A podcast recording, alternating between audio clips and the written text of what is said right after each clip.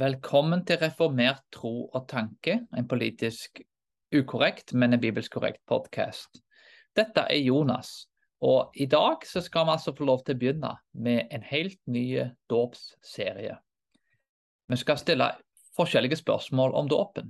Vi skal i dag gå inn på dette med forutsetninger og premisser for å forstå barnedåp. Denne serien handler jo ikke kun om barnedåp, men han kommer til å ha i alle fall seks episoder om dåp. Jeg kommer til å gå inn på spørsmål som forutsetninger for dåp, altså hva er dåpen? Vi kommer til å gå inn på hva Bibelen sier om dåp, hva kirkefedrene sier om dåp, og dåpen og pastorale hensyn, så vel som spørsmål og svar om dåpen.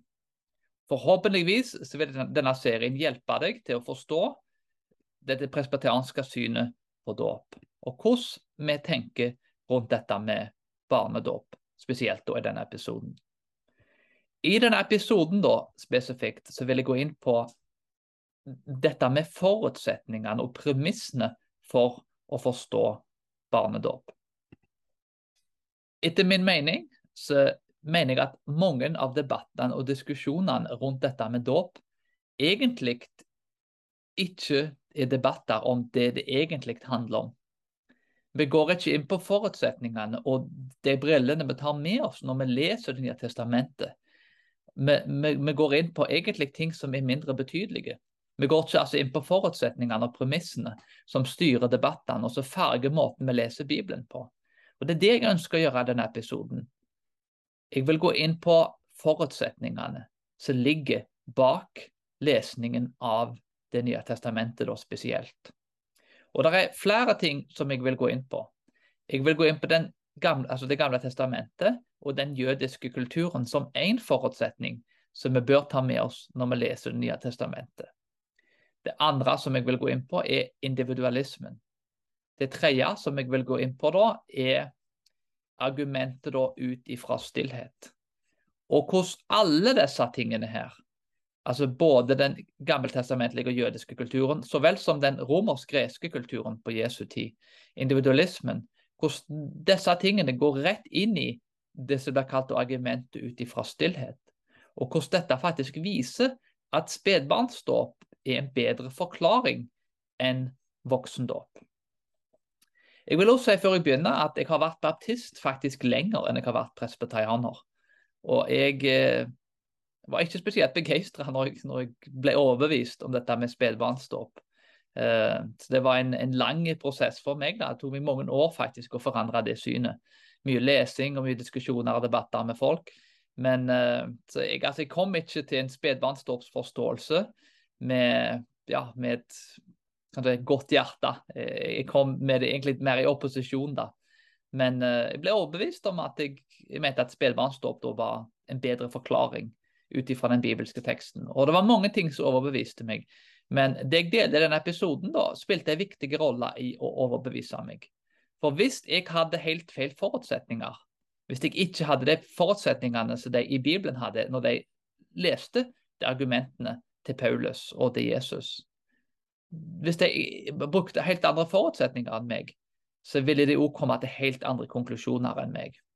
Så jeg vil gå inn på disse forutsetningene og forhåpentligvis vise hvordan dette, disse tingene er med å farge bibeltolkningen. La oss begynne med Det gamle testamentet. Vi vet at omskjærelsen er inngangen til den gamle pakt. Jøder på den åttende dagen ble omskåren. Å være en del av Guds pakt skjedde gjennom omskjærelse. Vi har første Mosebok kapittel 17 blant annet, som et eksempel der med Abraham, og dette ble videreført med Moses helt inn i Det nye testamentet det er alle kristne enig i. Ja, Inngangen til den nye pakt var at du ble tatt inn i pakten gjennom en fysisk omskjærelse. Det gjaldt jo ikke sagt også guttebarn. Jentene da ble tatt inn i pakten da pga. at de var under, under eh, familieoverhodets autoritet. Sånn var det i, i, den gamle kulturen. Det gamle testamentet og det nye er skrevet av jøder. Det nye testamentet er skrevet til jøder og hedninger. Det nye testamentet er mulig å forstå uten Det gamle testamentet. Det gamle testamentet kan sies da, som en pinseteolog sa, det er skaftet som får pilen til å gå fram. Det nye testamentet er spissen. Du trenger skaftet for at du skal få piler fram til målet, men du trenger spissen for å gjennomtrenge målet. Det nye testamentet trenger gjennom, mens Det gamle testamentet får piler fram til målet, sånn at piler kan trenge gjennom. Sånn er det med Bibelen. Han er skrevet stort sett av jøder i en jødisk kultur i Det gamle testamentet, og i Det nye testamentet både til jøder og hedninger da, i en romersk-gresk kultur, så vel da som at det er skrevet til jøder da, i en gresk kultur. Dette er det svært viktig å ha i bakhodet når vi leser Bibelen. og Jeg skal gå inn på dette litt i etterkant. En annen ting som vi må huske på, er at Jesus levde på en annen tid enn oss. En tid der individualismen i Norge i 2022, der barnets autonomitet og rettigheter ikke eksisterte på samme måten. Eh, han eksisterer ikke på samme måten i dag som han gjorde da. Det er en bok der som jeg vil anbefale folk å lese, som er 'Reading the Bible with Rabbi Jesus'. Som er en veldig god bok som uh, går inn på den jødiske kulturen. Og En av de mange tingene som denne boken påpeker, er at den jødiske kulturen var kollektive. Paulus refererer ofte til dere, og ikke til deg. Individualismen, ifølge Alistair McGrath, som er en Oxford-historiker, som skriver i boken 'Reformation Tat', oppsto med renessansen og blomstra opp enda større grad kanskje etter reformasjonen. Før år 1500 som cirka, så tenkte folk på seg sjøl som en del av et kollektiv, i mye større grad enn som et individ. Det var familieoverhodet og mannen da som hadde autoritet over familien. Det er ikke en beskrivelse om det var rett eller galt, det får bare til en annen episode. Men sånn var det. Folk var mye mer kollektive. Sånn er det òg i dag i mange plasser i verden. Jeg hadde en samtale med en i Taiwan som fortalte meg at uh, han kunne ikke bli kristen før faren var død. Faren tilba avguder i tempelet, og før faren var død, så kunne ikke han bli kristen, for han ville ikke vanære faren. Han var voksen mann som jobba på et postkontor, hadde unger og ja, jeg vet ikke hvor gammel han var, 45 år. Men til tross for han var 45 år og hadde egen familie, da, så var likevel hans fars autoritet viktigere enn omtrent alt annet. Igjen, Det er ikke en beskrivelse på at sånn bør det være, men sånn var det. I, ja, sånn er det i den dag i dag i Taiwan hos noen familier. Og det er sånn i store deler av Midtøsten og, og Asia generelt sett. De tenker mye mer kollektivt enn vi gjør i Vesten. Den norske kulturen i 2022 er kanskje den, en av de aller mest individualistiske kulturene i hele verden. Det handler om hva jeg skal gjøre, løsrevet ifra foreldrene og kollektivet sin identitet. Det tredje argumentet da er argumentet ut ifra stillhet. Det nye testamentet sier faktisk ingenting om at spedbarn skal døpes eller ikke døpes. De 200 første årene av kirkehistorien har ingen kilder som krystallklart bekrefter eller avkrefter dette. Dette er interessant. Dette er et argument ut ifra stillhet. Den amerikanske uavhengighetserklæringen sa 'all men are created equal'. Alle menn er skapt like. Det er åpenbart at på denne tida så var slaveri et tilfelle i Amerika. Svarte var altså ikke en del da av uavhengighetserklæringen. Det betydde at alle mennesker, unntatt svarte, var like. Svarte hadde jo ikke rettigheter, damer hadde heller ikke rettigheter til å stemme. Og en spør seg kanskje selv, hvorfor skrev ikke Thomas Jefferson som skrev dette dokumentet, at dette ikke gjaldt svarte, og at kvinner for eksempel, ikke kunne stemme? Burde han ikke skrevet det? Og svaret på det er nei. Thomas Jefferson skrev et dokument der det var så sjølinnlysende for hele den amerikanske befolkningen, og faktisk for hele verden på denne tida, at noen var slaver, og noen var frie. Og at damer f.eks. ikke skulle stemme. Så det er en krystallklart at det er altså alle hvite menn da, i dette tilfellet som er skapt like. Dette trengs ikke forklares av Thomas Jefferson. Det var en av de mest sjølinnlysende tingene som du kunne forestille deg. Han trenger ikke si det. Premissene og forutsetningene var der i forkant. Det nye testamentet har ikke behov for å fortelle det som er åpenbart. Samme hvilket dåpssyn som dominerte i Det nye testamentet, så er det åpenbart at de som leste det, visste hva svaret var. Kirka adresserer problemer i historien som er kontroversielle og uklare. En bruker ikke tid og energi på å forklare ting som folk allerede vet i forkant. En bruker tid å forklare ting som folk ikke vet. Stillheten forutsetter at Det nye testamentet, når det snakker om dåp, så er det forutsetninger og premisser til stede som gjør at det er totalt unødvendig å nevne alder på de som ble døpt. På samme måten som det var unødvendig for Thomas Jefferson å si at kvinner kunne ikke stemme, og at svarte var slaver. Og han skrev at alle menn er like, så, så betydde det da altså alle hvite menn. Han trengte ikke si dette, for det var åpenbart for alle som leste det. Dåp fungerer, og fungerer som en pakt, som gjør at et individ kommer inn i Guds pakt. Omskjærelsen i det gamle og dåp i det nye. Dette igjen var forutsetninger som lå til rettes, som du ikke trengte forklare til folk som leste det. Og vi ser her i veldig stor grad at det er en kontinuitet med disse tingene. Men la oss se på jødedommen. Kvinner ble tatt inn i pakten uten å bli omskåret, med henhold til mannens autoritet. Menn ble omskåret på den åttende dagen, altså guttebarn. I Lukas 1,59 så blir døperen Johannes og Jesus i Lukas 2,21 viser at den åttende dagen fortsetter i det første århundret. Dette var jo på en måte før den nye pakten da fikk en, en, en etablering. Dette var jo helt i startfasen. Mishna, som er en jødisk kommentar fra år 200 år før, eh, sorry, etter Kristus, viser at spedbarn var fulle medlemmer i den jødiske religionen og deltok fysisk som de kunne. Mishna viser at barn er fulle medlemmer etter omskjærelsen. Hagiga 1.1 forteller oss om en gutt som var påbudt å reise til Jerusalem fordi det var obligatorisk med festivaler. Hvem er et barn, er spørsmålet her.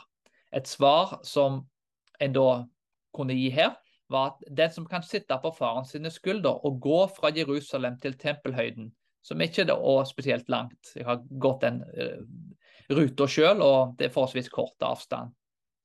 Uh, de da er regna som barn. Dette er ifølge School of Shamai. Og School of Hillel, som er en annen jødisk skole. En som ikke kan holde sin fars hånd og gå opp til Jerusalem, til tempelhøyden.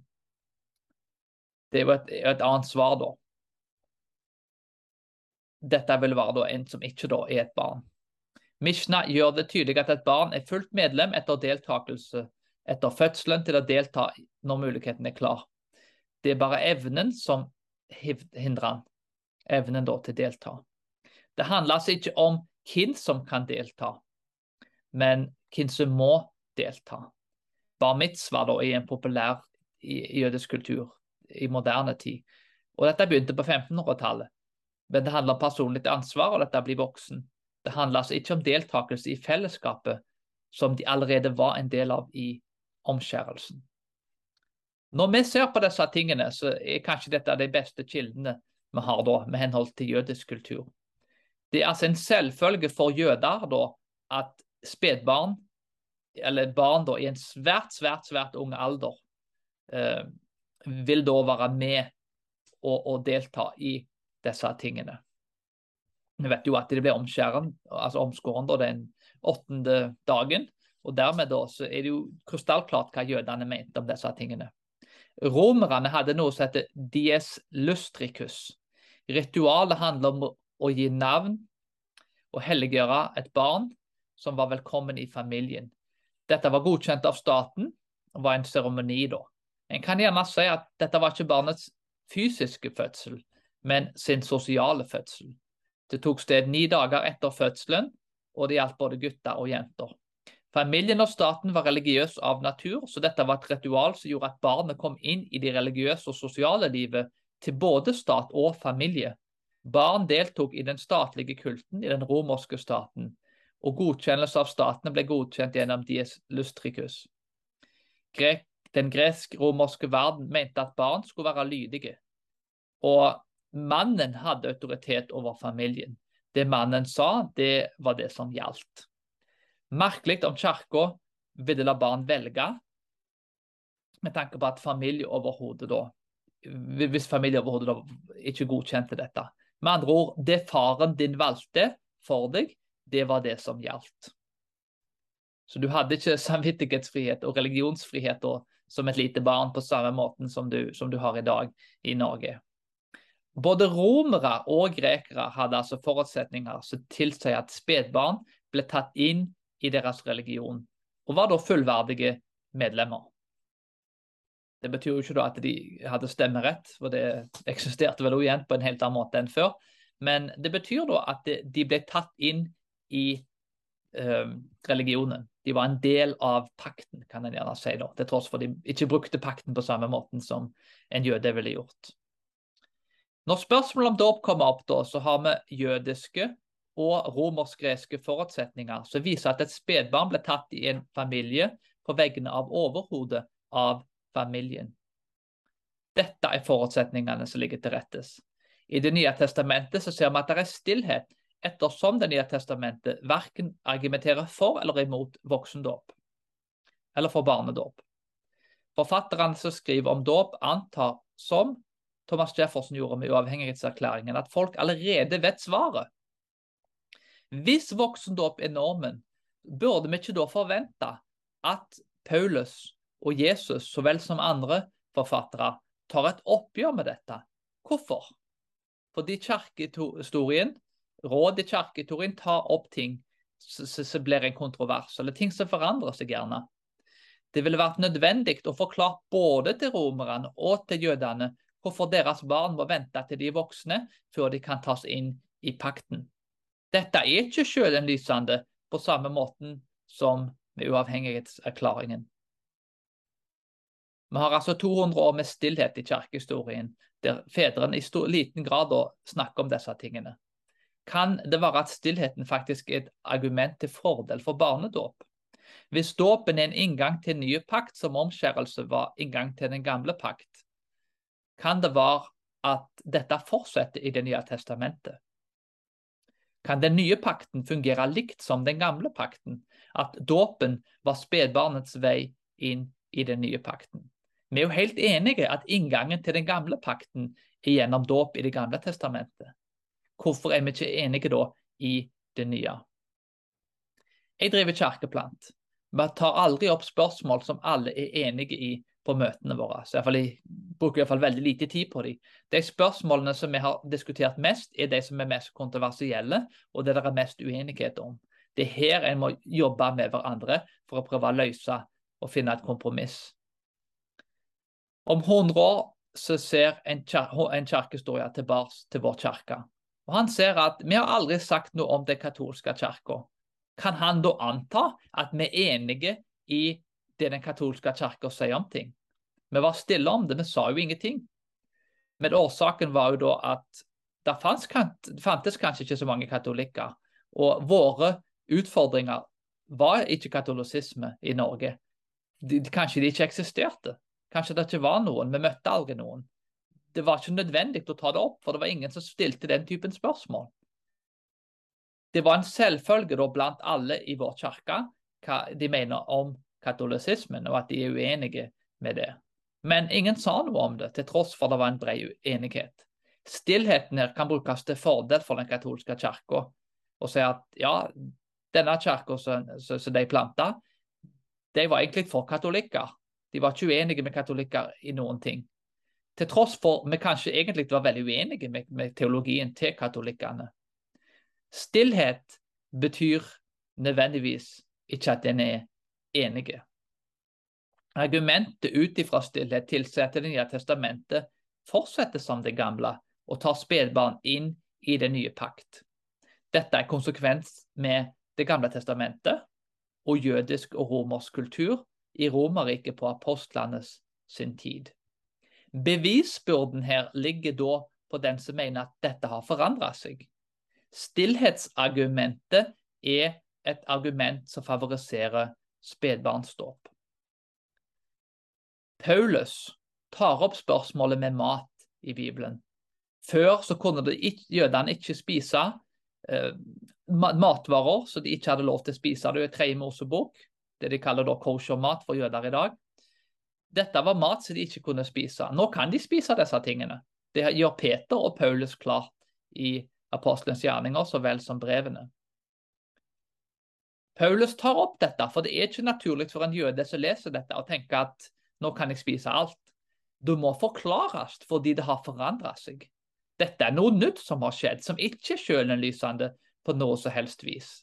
Hvis Paulus ikke hadde sagt noen ting om mat, og sagt at den nye pakt er en oppfyllelse av den gamle, så måtte jeg nesten anta at de samme matlovene gjaldt fortsatt. Paulus tar også et stort oppgjør med nå trenger dere ikke ofre dyr lenger. Jesus er blitt et endelig offer, og han har død for oss alle. Vi ser dette i Hebreabrevet, til tross for Paulus sannsynligvis ikke skrev det brevet, men så vel som andre brev, at Jesus er blitt det endelige offeret. Dette må forklares. Tenk om det ikke hadde stått noen ting om at Jesus er blitt det endelige offeret. Burde en ikke da anta at Det gamle testamentet fortsetter inn i det nye, med tanke på at det er jøder som skriver mesteparten av det som står i det nye? Både med mat og med offer så blir dette forandra, og det blir tatt opp nettopp fordi det ikke på noen som helst måte er sjølinnlysende. Burde vi ikke ha forventa et råd, et kirkeråd, et oppgjør de 200 første årene i kirkehistorien etter Kristus, hvis at dette dåpsspørsmålet da forandra seg?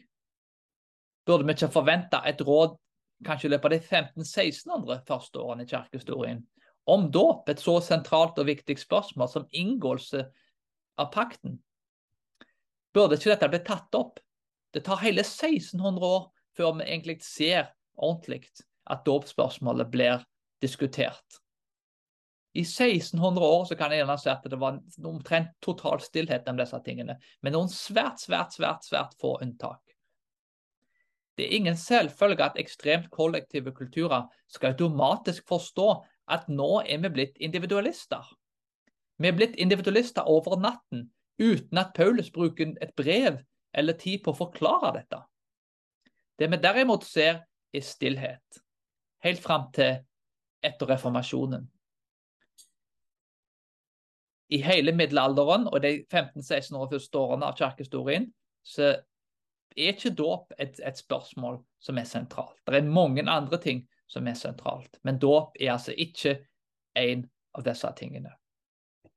Så jeg vil altså repetere meg litt her og konkludere da med at de som leste Det nye testamentet, de som hørte budskapet, de som leste det og de som hørte det, de var jøder og hedninger. Stort sett så var det grekere, eller, eller romersk, gresk folk som var påvirka av romersk-gresk kultur, som da hadde en forståelse der spedbarn ble tatt inn i religionen deres. Det var jøder som åpenbart ville forstått dette som at de kan skjønne at spedbarn skal være med i pakten. Dette var også, Begge disse gruppene, jøder og hedninger, var kollektive folk som tenkte med hensyn til at Kornelius og hele hans hus Kornelius og familiefaren ville ha autoritet og ansvar for å ta hele familien under pakten. Når disse forutsetningene, Det gamle testamentet, den jød, eh, sorry, jødiske kulturen, den romersk-greske kulturen og den kollektive kulturen ligger som forutsetninger og som premisser for alt dette, så må en konkludere ut ifra det at det er ikke da diskontinuitet, men at det faktisk er kontinuitet i Det nye testamentet.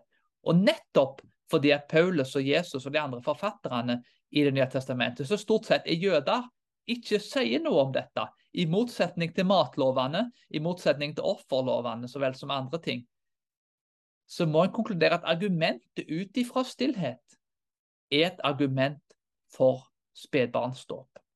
Ting fortsetter som før. Hvis ikke, så er det svært, svært sannsynlig at Paulus hadde sagt noe om det og lagt fram en sak at i den nye pakten så har dette forandra seg. Jeg mener at argumentet ut ifra stillhet er et veldig godt argument for spedbarnsdåp. Det betyr ikke at jeg kan si med sikkerhet her at sånn var det. Men jeg vil derimot si at det er mye, mye mer sannsynlig og liksom også mer rasjonelt at argumentet ut ifra stillhet kan tolkes til fordel for barnedåp. Og Det betyr da at når vi leser Det nye testamentet, uavhengig av hva konklusjon vi ender på, så må vi i hvert fall i det minste prøve å forstå Det nye testamentet. Ikke som en norsk postmoderne postkristen person ville forstå det i 2022, men å lese dette med gammeltestamentlige, jødiske, romersk-greske og kollektive briller. Og når vi gjør det, så mener jeg at en bør konkludere at det er mer sannsynlig at spedbarnsdåp er et bedre argument ut ifra stillhet enn voksendåp. Det var alt for i dag. Det kommer en ny episode ut om et par ukers tid. Og da skal jeg altså gå inn på litt mer om dette her med dåp. Forhåpentligvis så var dette til oppbyggelse og ikke for kontroversielt. Jeg håper at eh, om til og med om du ikke var enig med meg, så at du i det minste har satt noen griller i hodet på deg der og fått deg til å tenke. Dette er i hvert fall utvilsomt for meg ting som var med og fikk meg til å tenke grundig gjennom dette spørsmålet. Og til slutt da leda meg faktisk til forandra dåpsposisjon. Vi snakkes snart. På gjensyn.